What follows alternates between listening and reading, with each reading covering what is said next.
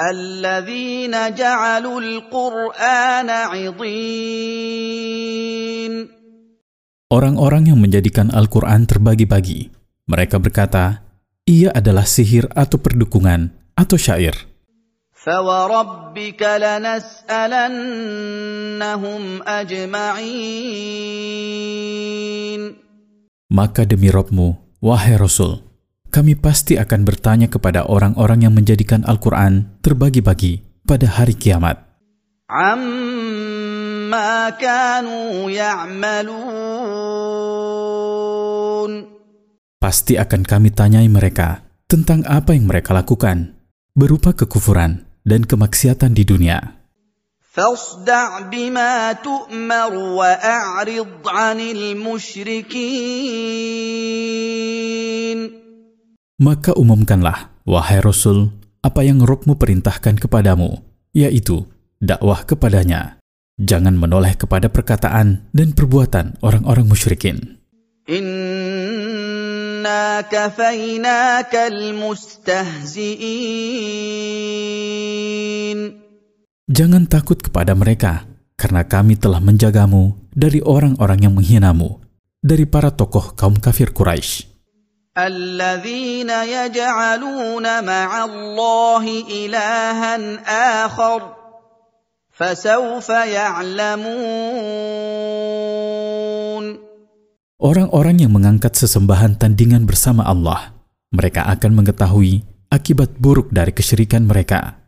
ولقد نعلم أنك يضيق صدرك بما يقولون Sungguh kami mengetahui, wahai Rasul, bahwa dadamu sempit atas pendustaan dan penghinaan yang mereka lakukan terhadapmu. Fasabbih bihamdi rabbika wa kum minas sajidin. Maka berlindunglah kepada Allah dengan menyucikannya dari apa yang tidak layak baginya, memujinya dengan sifat-sifat kesempurnaan, Jadilah kamu termasuk orang-orang yang beribadah kepada Allah, orang-orang yang mendirikan solat untuk Allah, karena hal itu akan mengobati dadamu yang sempit. واعبد ربك حتى يأتيك اليقين Teruslah beribadah kepada Robmu. Istiqomahkanlah di atas ibadah itu selama engkau hidup sampai kematian menjemputmu. Sementara engkau senantiasa demikian. Surah An-Nahl Makkiyah Tujuan surah mengingatkan manusia terhadap nikmat-nikmat yang menunjukkan kepada sang pemberi nikmat yang mengharuskan mereka untuk beribadah kepadanya dan memperingatkan mereka agar tidak mengingkari nikmatnya. Bismillahirrahmanirrahim. الله الرحمن الرحيم أتى أمر الله فلا تستعجلوه سبحانه وتعالى عما يشركون Tafsir Azab yang Allah putuskan untuk kalian, wahai orang-orang kafir sudah dekat, maka janganlah meminta disegerakan sebelum waktunya. Maha suci Allah lagi maha tinggi dari sekutu-sekutu yang diangkat oleh kaum musyrikin itu. ينزل الملائكة بالروح من أمره على من يشاء من عباده أن أنذروا أن أنذروا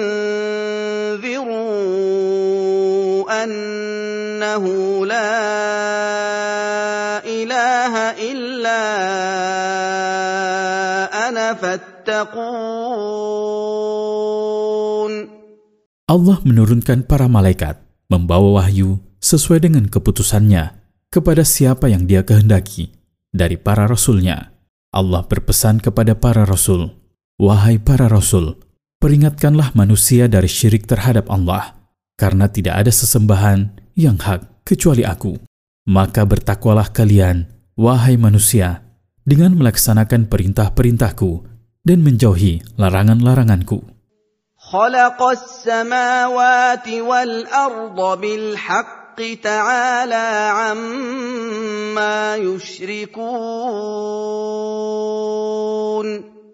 Allah menciptakan langit dan bumi tanpa contoh sebelumnya dengan benar Allah tidak menciptakan keduanya secara batil, tetapi Allah menciptakan keduanya agar dijadikan sebagai bukti atas keagungannya.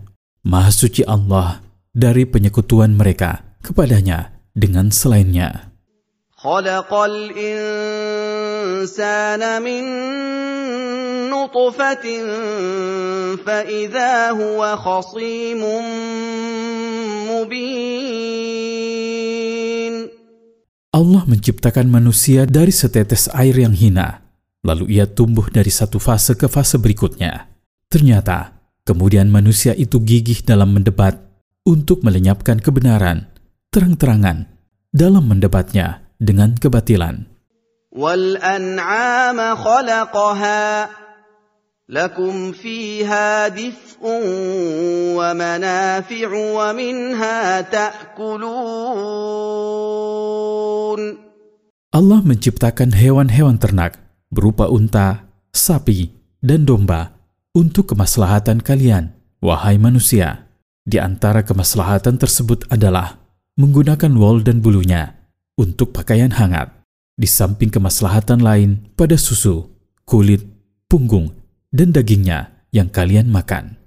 ولكم فيها جمال حين تريحون وحين تسرحون Kamu juga mendapatkan perhiasan darinya, manakala kalian memasuki sore hari dan saat kalian mengeluarkan mereka ke padang gembala di pagi hari. Faidah dari ayat-ayat di atas. Pertama, dalam ayat-ayat di atas terkandung petunjuk bahwa manusia seluruhnya, yang mukmin dan yang kafir, akan ditanya, kecuali siapa yang masuk surga tanpa hisab. Kedua, penjagaan, perhatian, dan perlindungan Allah kepada Nabi Shallallahu Alaihi Wasallam dari gangguan orang-orang musyrik. Ketiga, tasbih, tahmid, dan solat adalah obat bagi kesedihan dan kegelisahan, serta jalan keluar dari kesulitan, kesengsaraan, dan malapetaka. Keempat, seorang muslim dituntut menegakkan ibadah solat secara berkesinambungan hingga ajal kematian selama kesadarannya ada atau tidak hilang akalnya. Kelima, sesungguhnya penciptaan langit, bumi, dan manusia merupakan bukti nyata atas kodrat Allah Ta'ala, wujud dan keesaannya. Keenam, sesungguhnya penciptaan hewan-hewan, termasuk dengan manfaat-manfaatnya sebagai nikmat Allah kepada manusia, juga merupakan bukti nyata atas kodrat Allah, wujud, dan keesaannya. Ketujuh, Allah Ta'ala memberi kita hewan ternak dan hewan-hewan lainnya dan menundukkannya bagi kita, menghalalkan penggunaan dan pemanfaatannya. Ini adalah rahmat Allah Ta'ala kepada kita.